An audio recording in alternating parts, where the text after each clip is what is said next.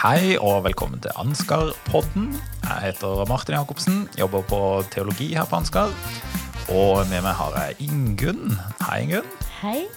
Jeg må jo si at jeg heter Ingunn Folkestad Beistein, og jeg er rektor her på Ansgar-skolen.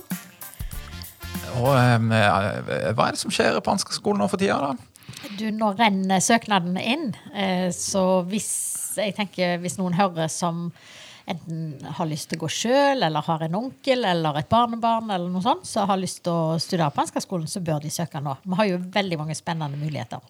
Ja, og eh, Spennende å se eh, søknader dukke opp og renne inn, og se hvem, hvem skal vi møte i klasserom til høsten. Det blir, det blir veldig gøy. Det gleder jeg meg til. Og veldig mye bra lærekrefter, da. Ja, Ja, de beste, faktisk. Ja. Og en av de har vi jo her. En av de har vi her. Han heter eh, Cato Gulaker. Hei, Cato. God dagen. God dagen, god dagen. Um, og vi, vi har med deg her i dag um, fordi du er ekspert på Satan. Kan vi si det? Jeg har jo papir på det, da. Aha. Så vi kan jo kanskje si det. Skriftlig bevis. Ja. Eh, og på det papiret så står det noe sånn som ph.d. eller um, Noe veldig vidløftig i løkkeskrift. Ja, ja, Så da, ja. da, må du- det være sant. Da må det være sant. Du har altså skrevet en doktorgrad om, eh, om Satan. Ja, eh, kan vi begynne med å spørre uh, Hva er det som gjorde deg så interessert i det? Ja, det er jo Det er jo et veldig godt spørsmål. Ehm, det er jo en um, miljøskade, egentlig, av å jobbe åtte år på bibelskole. Ha.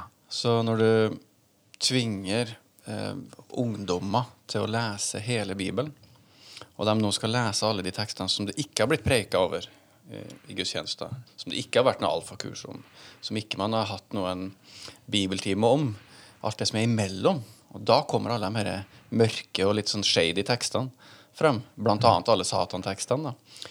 Eh, og så var vi så smart at vi ga dem to timer i uka til å kunne stille akkurat de spørsmålene de ville for alt de har lest. Og da kom jo alle de vanskelige spørsmålene. Og så var det jo opp til oss da å lese oss opp på det her hver, for hver uke som gikk, da. For å kunne henge med på alle de gode spørsmålene som kom. Um, og det var egentlig starten på det, for jeg måtte lese meg opp ganske mye de årene der. For det var så um, utrolig mye bra spørsmål som kom. Um, og så plutselig så så jeg at her var det jo veldig mye armer og bein i bibeltekstene. Det var um, mye som uh, var vanskelig, og så var det mye som kanskje var litt spenningsfullt innad. Um, og så tenkte jeg det her må jeg vite noe mer om. Det her må jeg bore litt dypere i. Så bare begynte jeg å lese. Eh, Ei bok ble til ti bøker, ble til 20, og det vet jo du alt om.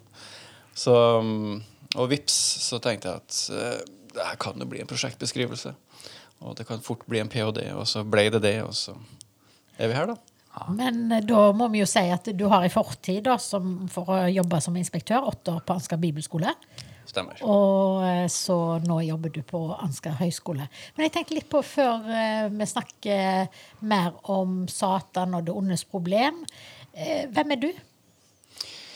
Ja, eh, nå er jeg studiesjef da, på høyskolen. Så jeg prøver å administrere den delen så godt jeg kan. Og så underviser jeg bitte litt innimellom. Um, så det var det jeg gjør i dag. Men eh, jeg er vel en nytestamentler eh, av yrke, da. Og så er det jo ikke så mange trøndere på Ansgar-skolen, da. Nei, det er altfor få. Så vi prøver å gjøre noe med det. Så um, hvis du, hvis du er trønder som hører på her nå, så er det veldig god plass til det her på Ansgar. Er- Vi stiller med sodd hvis du kommer. ja. Onde tunger sier at vi har liksom en overvekt av folk fra Sør-Vestlandet. Kan, kan det stemme? Ja, det var det. Ja, det var det. det er en ting mellom linjene her. Det er veldig spennende å studere teologi og gå på bibelskole og få liksom dykke ned i alt og um, komme et sted hvor man kan stille alle de vanskelige spørsmålene. Men det er også kjempegøy å være lærer eh, og få alle de spørsmålene og på en måte få anledning til å fordype seg i så mange ting. Veldig, veldig spennende. Og ut av det så vokser det et doktorgradsprosjekt. Ja.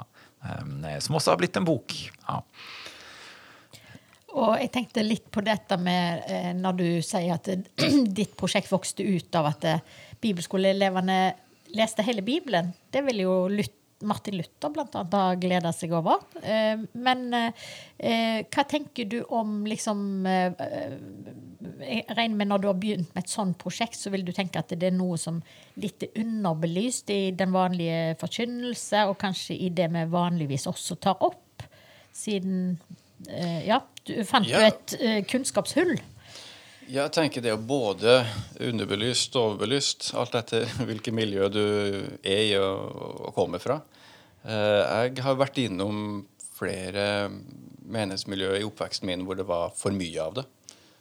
Eh, At det var liksom demoner rundt enhver krok. Og, og jeg var jo ungdom på 90-tallet under The Satanic Craze, eller hva man kaller det for noe, hvor det var en veldig stort fokus, da, eh, gjerne importert fra USA, USA, med hvordan Satan var til stede i populærkultur og i, i, i musikk spesielt, med, med baklengsmaskering. Vi satt jo og jobba febrilsk på folkehøgskolen for å høre hva det her var baklengs, og skrudde opp kassetter og snudde. Så eh, det tippa litt over i de miljøene igjen, da. Eh, mens kanskje i de fleste menigheter så er det underbelyst eller underbetont at eh, de her tekstene som, som er så tydelige på at det er personifisert ondskap eh, rundt omkring i Galilea mens Jesus eh, traska rundt der, eh, de blir litt forbigått. Så når man da leser det i sitt lønnkammer eller, går på bibelskole og leser, da, så snubler man over sånne tekster som er hm, hva, hva betyr det? Eh, Hvem er det her? Hva er det her for noe? Eh, og så er det jo noe med at hvis vi som menighet underbelyser eh, et tema som jo nå populærkulturen og Hollywood spesielt har tatt eierskap til, så får du vite mer om, angivelig i hvert fall, hvem Satan og det demoniske og besettelse og Lucifer og alle de her tingene her ved å gå inn på Netflix enn å åpne Bibelen din. Um, og du får det innpakka i en sånn um, til tider underholdende innpakning, men i hvor stor grad det har noe med den Det blir feil å kalle det den kristne Satan, men den bibelske Satan, da. Det er jo noe som jeg liker å poke litt borti, da. Eh, For der er det jo et stort gap. Så, Ja, det høres nesten ut som det er et slags paradoks med at eh, hvis dette temaet ikke får nok plass i kirka, så blir det så eksotisk at det får litt for mye plass. Det blir jo ofte det, da. Eh, og så er det jo legitime spørsmål som kommer opp, da. Når du leser eh, er det i 1. Samuel 15 eh, at eh, som et resultat av at Gud tar sin ånd fra Saul og gir den til David, så får han en ond ånd fra Herren i bytte. Så plutselig begynner her tekstene å ramle ned. Man leser eh, prologen til Jobbs bok. At det er en anklager, en sånn, sånn menneskefiendtlig gudesønn som jobber liksom på oppdrag av Gud. Hvor passer det inn hen i den gode guden som vi tror på? Eh, de tekstene her bobler opp til overflaten. da. Ja, og da, blir det fort spennende. Men jeg tenker jo at uh, noe av det du sier der, er jo òg at uh, bibeltekstene taler om livet i all sin mangfold, og så taler de om noe som kanskje er veldig vanskelig å forstå for oss moderne mennesker. Og kanskje uh, for et eh, moderne menneske, eller postmoderne menneske, som lever i Norge i dag, er beskytta fra veldig mye, og vi prøver kanskje også å beskytte oss fra mest mulig av det vonde. Liksom vi vil leve i harmoni. og Eh, Og så plutselig nå så får vi denne krigen i Ukraina som rammer oss eh, liksom midt i hjertet av Europa, og også kanskje som en forskrekkelse. Oi, hva, hva skjer nå?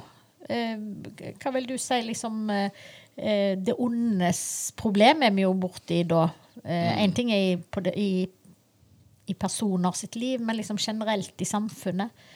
Hvor kommer krigen fra? Ja, jeg- tenker der er no, Du treffer du nok en nerve hos meg, da. Noe som jeg, eh, etter å ha vært rundt og holdt en del foredrag om det her, så, så, så kommer vi inn på de spørsmålene her. og um, en, en del av motivasjonen min for å forske på tekster som om, omhandler Satan, går jo på det her eh, Det her som eh, Hva skal jeg si Der man bruker Satan eller demoner som en unnskyldning til å gjøre kjipe ting.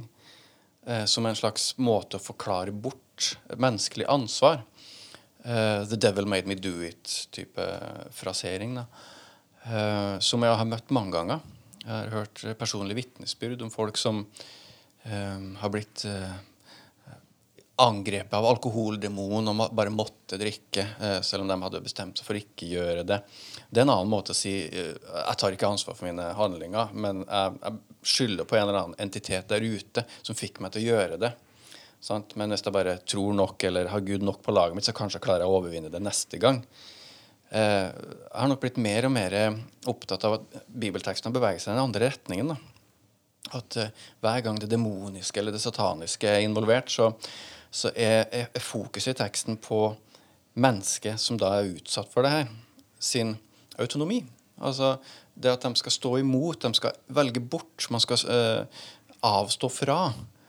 Og ansvarligheten er alltid på mennesket. Ananias og Safira-episoden i Apostelgjerningen 5 er en sånn typisk tekst der hvor det er et sterkt hva skal vi si, satanisk nærvær i det som foregår her. Men dem står ansvarlig, til syvende og sist. Eh, så, så den fellesnevneren bruker jeg å bruke litt tid på da, når det spørsmålet dukker opp. Eh, og vår kjære Vi har vel en felles eh, venn i Carl Barth, har vi ikke det? Som jo hadde en Etter andre verdenskrig da, så satt, satt man der og diskuterte de her tyskspråklige teologene og lurte på hva som hadde skjedd, og som kunne det her skje iblant oss, og som var det mulig. Det må jo ha vært et ekstremt sterkt demonisk nærvær akkurat i Tyskland mellom 39 og 45 og der omkring. Um, og, og da var det han løfta røsten sin og sa at vi må slutte alt det her tullet og fjaset med hva skal vi si, å, skylde på det demoniske og sataniske. La oss bare innrømme at vi har vært politiske idioter. Det er veldig bra, bra sagt. For det, det er veldig fristende, da. Fra hva skal vi si, fra Edens hage og fram til i dag. At det er veldig fristende å si at ja, men det, det var slangen som fikk meg til å gjøre det. Eller det var Satan som fikk meg til å gjøre sånn. Eller det var den og den demonen. Men rent bibelsk sett, hvert fall, så er mennesket i sentrum når det gjelder å være ansvarlig. Eh, mens det sataniske, det demoniske, fungerer mer til å si noe om hvor utfordrende det kan være til tider. Og da, da er det jo logisk å bruke det språket. Spesielt når det er den type ondskap og lidelse i den skalaen som vi ser nå. Mm. Og, eh, veldig interessant, syns jeg, altså, den tendensen til å bortforklare det menneskelige ansvaret kan òg sekulariseres. Uh, hvor man kan si at oi, her var det en, en, eh, en terrorist 22. juli som gjorde noe som var så brutalt at han må ha vært fryktelig syk. Og kan ikke ha vært måte, ved sin fulle fem, og da ikke vært ansvarlig for det. Uh, hvor man ikke bortforklarer det med demonisk nærvær, eller hva det skal være, men bortforklarer det psykologisk. Uh, som er litt sånn samme mekanisme. En sånn der, uh, sekularisert Satan som, som, som tok over. Um, um, men i, i denne teologiske ramma, tenker jeg, at, at når man bortforklarer ting ved, ved Satan eller noen demoner, eller hva det skal være, der ligger det en sånn eh, tendens, tror jeg, til å se det guddommelige og det menneskelige som sånne konkurrerende krefter. Um, som at her må det ha vært det, det onde og demonene som var der, og som var ansvarlig, og derfor ikke det menneskelige som var an- ansvarlig. Ja. Det, um, dette er veldig interessant. La oss, eh, la oss ikke helt bortforklare det menneskelige ansvaret. Men, men nå, ble, nå kom jeg på liksom en sånn bilde fra Donald. Jeg, da. Sant? Du har jo Donald som har liksom den ene eh, engelen på den ene sida og så en liten djevel på den andre sida. Hvor er mennesket? Er vi liksom i en kryssild mellom Gud og Satan, eller hva har du funnet ut av? Eh, det, er det som er spennende, da, hvis vi skulle tatt en sånn bibeltime på det, så måtte vi ha gått igjennom gamle, fra, fra gamle tekster til nyere tekster. Men det, det vi ser, da, litt sånn enkelt fortalt, så um, det er veldig lite Satan og demoner i Det gamle testamentet. De dukker opp én gang, og så kanskje litt sånn spiren til det som en gang skal bli Satan, finnes i et par andre tekster. Ellers er det tomt. Men imellom Det gamle og Det nye testamentet, for å bruke protestantisk språk, så er det mye kreativ teologisk eh, tenkning som foregår. Eh, og hva skal vi si Etter at hva skal vi si, Det gamle testamentet har beveget seg i det vi kaller for en monoteistisk retning, da, hvor Gud er én, og Gud er opphavet til alt, både ondt og godt og alt derimellom, så får vi en sånn gryende eh, hva skal vi si, ukomfort med å kjenne på at den gode, kjærlige Guden skal også være den som er den tuktende og hva skal vi si den plagende guden ved siden av. Da. Det blir litt sånn Munchhausen by proxy. At det er ikke så tillitsvekkende. Så man begynner å kile inn eh, hva skal vi si, vesener innimellom gudsbildet og mennesket. Engler og demoner og alle mulige karakterer da, som skal forklare den delen av virkeligheten. For lidelse var det ikke noe manko på da heller. Og det er i kjølvannet av det vi får den, her, den ene tradisjonen da, som eksternaliserer lidelsen i en personifisering av djevler og demoner. Men det er en annen tradisjon, visdomstradisjon, som trekker det innover og internaliserer det og får den, her, den onde og den gode tilbøyelighet i oss mennesker.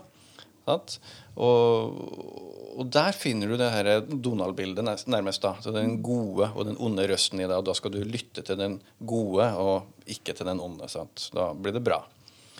Mens uh, den andre tradisjonen hadde da mer behov for å tydeliggjøre det med å eksternalisere det med gode engler og kjipe demoner osv. Satan blir da assosiert med den kjipe delen. Og hvis eh, da sånne som meg skal, som hører på denne podkasten, eh, eh, når du sier eksternalisere og internalisere, kan du bare si litt mer hva du mener med det? Ja, nei, da blir, altså, Ved å internalisere så blir jo det onde og den gode tilbøyeligheten, som det så fint heter, den blir en del av oss. Vi er skrudd sammen av begge deler. Vi er kapable til begge deler. Og vi skal da, visdomslitteraturen er da opptatt av å fremelske, at vi skal lytte mest mulig til den gode impulsen i oss. Og prøve å legge fra oss den onde. Eh, og det er god etikk i det, er det ikke det, Martin? Mm. Mye god etikk i det. Ja. ja. Så mens den eksternaliserer, da, da får du alle de her eh, stemmene på utsiden av det. Mm. Så da, da, da, gir det mening at det kommer en Satan til deg i ørken og prøver å teste deg Teste din lojalitet til Gud. Teste om du er villig til å utholde sult og elendighet. Eh, da, da, gir det mening. Men det kommer fra den samme kulpen, da, de to tankene. Mm. Um, og de har for så vidt samme funksjon overfor den som står overfor valget. Mm. Bare at det ene er mer tydelig og lettere å lage en fronograf over, mens den andre er mer filosofisk og vidløftig. Mm. Så, noe for enhver smak. Ja, nå, nå er vi Eh, litt sånn inne på spørsmålet Hvem er egentlig Satan? Så eh, eh, Kan vi ikke stille det spørsmålet? Det er jo et veldig enkelt spørsmål, men jeg, jeg antar at det blir ikke et veldig enkelt svar, kanskje. Hvis vi begynner i, liksom, i Bibelen, eksempel. Hvem er Satan i Bibelen? Det er et bra sted å starte. Ja, ja, det er det. Ja. nei, jeg tenker Det enkle svaret, for å begynne med det enkle, er jo det at Satan representerer alt det vi ikke skal lytte på, det vi ikke skal følge, det vi ikke skal gå etter. Mm. Det er tverrsummen av alt det som sies om Satan. Og det er jo fint at det finnes en tverrsum for at alle de tekstene som sier noe om hvem Satan er, eller hva han er, Eh, stemmer ikke overens i, i, i, forhold til hvor han kommer fra, hva hans natur og hensikt er. Men eh, spesielt i Nye testamentet, da, hvor det, det skorter ikke på Satan. Eh, der er det et sånt spenn imellom en, en Satan som er sånn nødvendig onde, som vi kanskje kan eh, møte i 2. Korinterbrev 12 når eh, Paulus beskriver seg sjøl i sin egen elendighet. At han, eh, det som da sannsynligvis er en sykdom eller et eller annet, men han har blitt gitt en Satans engel, en, en torn i hans side, for å holde hans hovmod på avstand. Det er det jeg kaller rehab, Satan. Altså Det er en sånn rehabiliterende ved det. sant? Altså Det er vondt, det er kjipt, og han ber til Herren tre ganger om at han skal slippe der, at han skal bli tatt bort fra han. Uh, men nei, den må være der. Og det er jo hvis du har et, eh, er litt høy på deg sjøl, så er det kanskje det som skal til. Og det var det Paulus trong, i hvert fall. Mm. Så det er et nødvendig onde i, i det tilfellet. Og vi, vi, finner et par andre tekster også i den paulinske tradisjonen som snakker om å overgi noen til Satan for at hans kropp skal få gå mens, mens hans sjel skal bli frelst. Eller at de skal slutte å spotte. Altså det skal føre til noe bra Men du ønsker virkelig ikke å være den som blir overgitt til Satan, hva det enn måtte bety. Men det fører til noe bra. Eh, så, så det er den ene sida av tekster som er ganske stikker seg litt ut. da. Og så har du den mer johaneiske teksttradisjonen som, hvor, hvor Satan bare er en Satan. Altså Det er bare ondskap og elendighet. Han har vært en løgner og en morder fra begynnelsen av. Det, det, det fins ingen formildende omstendigheter. Og Du kan følge den til åpenbaringsboken kapittel 20, hvor han da blir dømt for all elendigheter til slutt. Så, og mellom de to aksene så finner vi mye spennende. da. Så Det er et interessant skille mellom altså bare elendig ondskap og ondskap som munner ut i et eller annet. Um, men der og da uh, så er det jo ikke så lett å si hva som er hva. Eh, altså Hvis det er virkelig fælt, og du har, eller hvis du virkelig har en torn i kjødet, det er ikke alltid så lett å si der og da om dette er bare meningsløst fælt, eller om det liksom også kan munne ut i et eller annet gode. Nei, det er vel gjerne etterpåklokskap, det. da. Man kan se, til, se, tilbake på ting og vurdere hva det her Hva gjorde det her i livet mitt? Og Paulus har tydeligvis hatt en sånn fase, da. Mm. Er det lettere å si til andre enn til seg sjøl liksom, at uh, den litt sånn lettvint Det er vel en mening med det? Det, det, håper jeg aldri skal si. Uh, og det er nok fordi at uh, Og, det, det, kunne jeg også sagt noe om at jeg trekkes imot tek, de her tekstene her sånn forskningsmessig fordi at det er interessant, og for at det er gjort så lite arbeid på det. Men personlig også. At vi trenger å snakke sant om livet, og da, da må vi ha en, en, en gudstro og en, en gudsforståelse som rommer også lidelse, uten at det blir dumt eller meningsløst. Uh, og for meg så er det noe ganske tydelig har blitt da, at, at det er en, alltid en mening med noe det, det, det, det, er dårlig sjelesorg i det, og det, er lite sant om det, tenker jeg da. Selv om Gud kan bruke all elendighet til det gode, så er det ikke sånn at alt ondskap er her av en grunn eller en mening. Det, gir ikke mening hos meg. Altså. Så det er nok også noe som jeg hadde med meg når jeg gikk med lykt og lupe ned de tekstene for å finne hva, alle de forskjellige fargerike måtene å beskrive menneskelig lidelse på. For det er jo egentlig det Satan er. En, beskri beskrivelse av kjipe ting. Summen av kjipe ting. En abstraksjon av alle kjipe ting. Um, så, så, det har blitt litt mitt lodd, da, i hvert fall så langt karrieremessig, å, å forske på den delen av det. Syns du at eh, Du nevnte jo f.eks. på 80-tallet, hvor det var en litt sånn Eh, ja, altså hvor kanskje dette med det onde og, og, og demoner og sånn ble liksom veldig flasha i noen miljø. Men hva tenker du i, om forkynnelse i dag? Da er det jo Altså, hvordan kan vi snakke sant om livet og om Gud, om også det vonde? Uh, ja. Ja, jeg kjemper jo for det, da. Jeg, eh, at uh, vi skal ha en uh, det som en annen kollega av meg kaller for ærlighetsteologi. Mm. At vi skal snakke sant om livet, at vi skal ha en tro som også kan romme lidelse. Som kan romme det, det motsatte av herlighetsteologi. Uten at det kollapser. At i, i, møte med sykdom eller død eller et eller annet sånt nå, så ga ikke Gud mening lenger. Så, så i det segmentet der så hører jo det her virkelig hjemme. da. Uh, men på en ikke-spekulativ måte. Hvor, uh, du, nevner 80-tallet her. Det var jo spennende å lese de her bøkene som kanskje den eldre garde, de som hører på, kjenner til. Da, med 'Mørkets rike 1 og 2' og det ene med det andre. Og det er liksom For hver gang du blar om ei side, så er det en ny en som da enten er besatt av en demon eller besatt av en engel. Det var liksom ikke noe plass til autonomi der da. Eh, så det klør jo godt i, eh, i øret, men det blir veldig dårlig eh, hva skal vi si, vekstforhold for troa. da. Mm.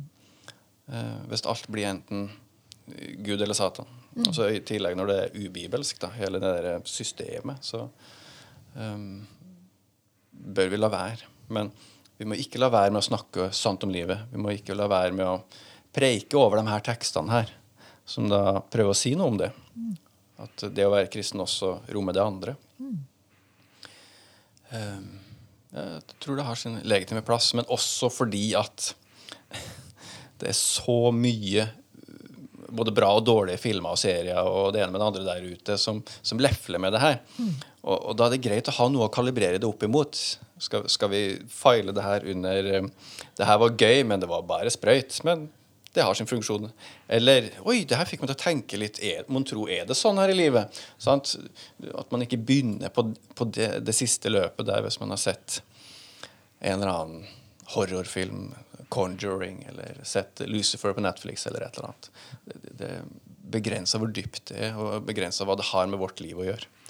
Men som fiksjon så har det sikkert sin livets rett. Ja. Og, og, hvis vi går fra, fra fiksjonen til livet um, Så har vi snakka litt om at det er nok ikke helt bra å hele tida skylde på Satan og demoner for alt som skjer. Det er å på en måte fraskrive menneskets sitt ansvar.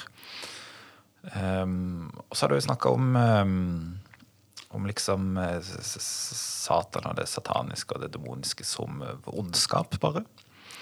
Så da kan jeg lure på hvor, hvor bredt kan vi da snakke om, om Satan og Satans verk? Altså I en sånn Norske kirkes uh, liturgi uh, så heter det som så at jeg forsaker uh, Satan og alle hans gjerninger og alt hans vesen. Um, da er, det, da er, det, ganske mange gjerninger. Da er det ganske mye. Um, for det er jo mye ondskap her. Altså, hvor bredt kan vi bruke dette om det sataniske og liksom det demoniske? Kan man si f.eks. at ah, nå er det krig i Ukraina, Satans verk. Uh, liksom, vik fra meg, alt det der. Um, det er kjempespennende, det du tar opp nå. Uh, jeg tror på ingen måte vi skal si eh, vik fra meg. For at, eh, i så fall må vi være en del av subjektet som skal vike. Mm. Eh, det er nok veldig der til å holde fast på den. Og at vi skal altså, forsake djevelen eh, og alle hans gjerninger og alt hans vesen, så innbefatter det vår egen ondskap. Det tror jeg nok er fundamentalt. Ja, Å forsake oss sjøl, på et vis. Mm. Ja. Det er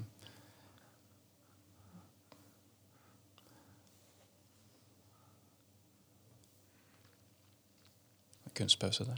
Ja. Det er um, um, Det å kunne uh, ha en teologi som snakker ærlig om livet, ikke sant, det er jo um, frikirkelig og pietistisk på et vis.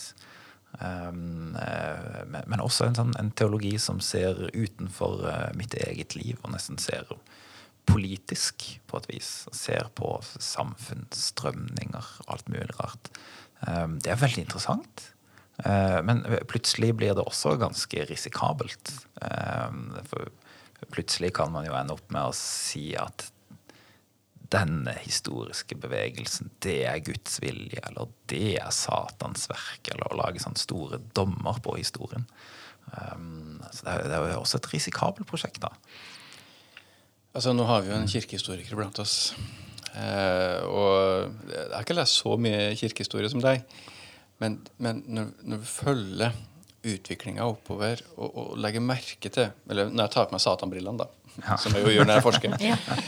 og ser hvor, hvordan merkelappene med det å definere heresi som noe demonisk fordi at hvis vi er med Gud, så blir automatisk dem det demoniske, det sataniske de merkelappene har det florert med, altså, spesielt rundt reformasjonstida. Det var jo hvor, det var en konkurranse på en periode her hvor man kappa som, hvor ofte man kunne lyse hverandre i bann her. For det var under påslag av at uh, det demoniske må bekjempes. Og, og, vi kjemper den riktige sak. Og så skifter jo hvem de og vi er. Mm. Og, og, og, det er jo, hvis vi kan gå tilbake eh, hvis det fantes et liv før 80-tallet, så, så, ser en jo at eh, det er jo veldig mange personer i kirkehistorien som har sagt om andre at eh, de er antikrist, f.eks. Pav, uh, diverse paver har blitt kalt antikrist. Pavene har kalt andre for antikrist. ja, så, så, her er det mye. Men jeg tenkte også på det der med å ha en sann sann bibelteologi. altså Vi har jo snakket om det her på Ansgarskolen, at det med bibelteologi er ganske viktig. Altså at man ikke bare setter eh, Altså de som driver med troslære, dogmatikk, eh, setter jo ofte liksom alt i skjemaer og i system, og det er jo mange av oss som er glad i sånne skjemaer og system, men å, se at det, den der bibelske mangfoldet, og både kunne se det mangfoldet, samtidig som man må skille mellom sentralt og perifert i Bibelen, og eh, liksom hvordan kan man lese den Gud det står om i Det gamle testamentet, sånn, sånn som du sier, hvor det står noen ganger at både godt og vondt kommer fra han. Liksom, ja, hvordan setter man det i, i forhold til Johannes 3, 16? Altså, eh, så jeg tenkte å guri, jeg må begynne på bibelskolen igjen og lære alt på nytt. Ja, og, og, interessant å og til å se Ok, hva, hva, hvor kommer mine egne bilder av, av Gud og Satan og engler og demoner fra? Kommer de fra bibelteologien, eller kommer de fra populærkulturen? Ah, jeg er ikke alltid så sikker jeg, på hvor de kommer fra. ja. ja, og musikken. Altså, du, du kan jo mye om. Hvordan har dette kommet til uttrykk i musikken? Var det litt sidespor, kanskje? Jo, men Det er jo et herlig sidespor. Jeg var jo, hadde et foredrag om Satan på en metallfestival her for et par-tre uker siden. Og det er klart, Metallfolket de er opptatt av det her. For det er jo en del av staffasjen. Det skal jo være. Og så og det utrolig interessant å, å, studere hvordan den bibelske rundt, rundt Satan blir brukt og omfortolka og lagt til litt her, klippet bort litt der, og, og så skaper det en egen, en egen sånn rebellkarakter for å skal vi si, motivere ungdomsopprør. Og, så i, i, den formen så er han jo kanskje fall blitt custom made. Eh, og, og da er det jo gøy å å sammenligne og se hvordan ble det sånn. Mm. Ja, nei, det det, det, det, det kunne vært en egen podkast, da. Ja. nei, men eh, takk for eh, nå. Eh, takk for en innføring i, i Satan og det onde. Eh, jeg håper ikke det inspirerte til den type etterfølgelse, men, men kanskje inspirerte til å eh, dykke enda mer ned i Bibel og bibelteologien og utforske måte, denne type beskrivelse av ondskap. Så, ja, og som en nesten sånn indirekte reklame fransk, så kan vi jo si at er man interessert i å gå inn i disse tingene, så kan man jo komme og studere her, eller ta seg et kurs eller tre. Ja, det er jo um, det er ikke satanisk. Var dette litt skjult reklame? Ja, ja, ja det, er, det, er, ikke så veldig godt skjult. Nei. Eh, takk for oss, og så høres vi om et par uker. Med nye, spennende tema.